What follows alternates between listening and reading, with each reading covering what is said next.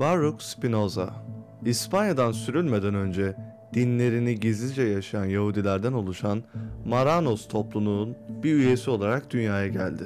1656'da Yahudi topluluğundan aforoz edildi ve sonraları ismini daha Latin olan genelde o şekilde seslendirilmesini tercih ettiği Benedik olarak değiştirdi. Yaşamı sırasında ve sonrasında Spinoza'nın fikirleri derin bir şekilde ikilik içindeydi. 1670'te tüm yazılanlar gibi kutsal kitabında Tanrı tarafından değil, insanoğlu tarafından üretilen bir belge olarak yorumlanması gerektiğini tartıştığı Teolojik Politik İncelemeler kitabında yayımladı.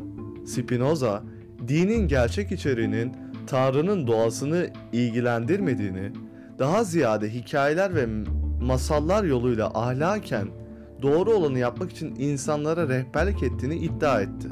Böylece din, ahlaki ve siyasi kontrolün bir sistemidir ve tüm dinler olabildiği kadar bu görevi etkin bir şekilde yerine getirmelerinden dolayı eşit ölçüde geçerlidir. Bu görüşler Spinoza'nın kitabı isimsiz bastığı 17. yüzyıl Avrupa'sında oldukça tartışmalıydı. Spinoza'nın felsefesi çalışmalarının çoğuna Lahey'deki ölümünün hemen ardından 1677'de basılan şaheseri Etik kitabında yer verilmiştir. Bu kitapta Spinoza, Tanrı'nın, doğanın, aklın ve mutluluğun erişmenin sistematik bir açıklamasını sundu.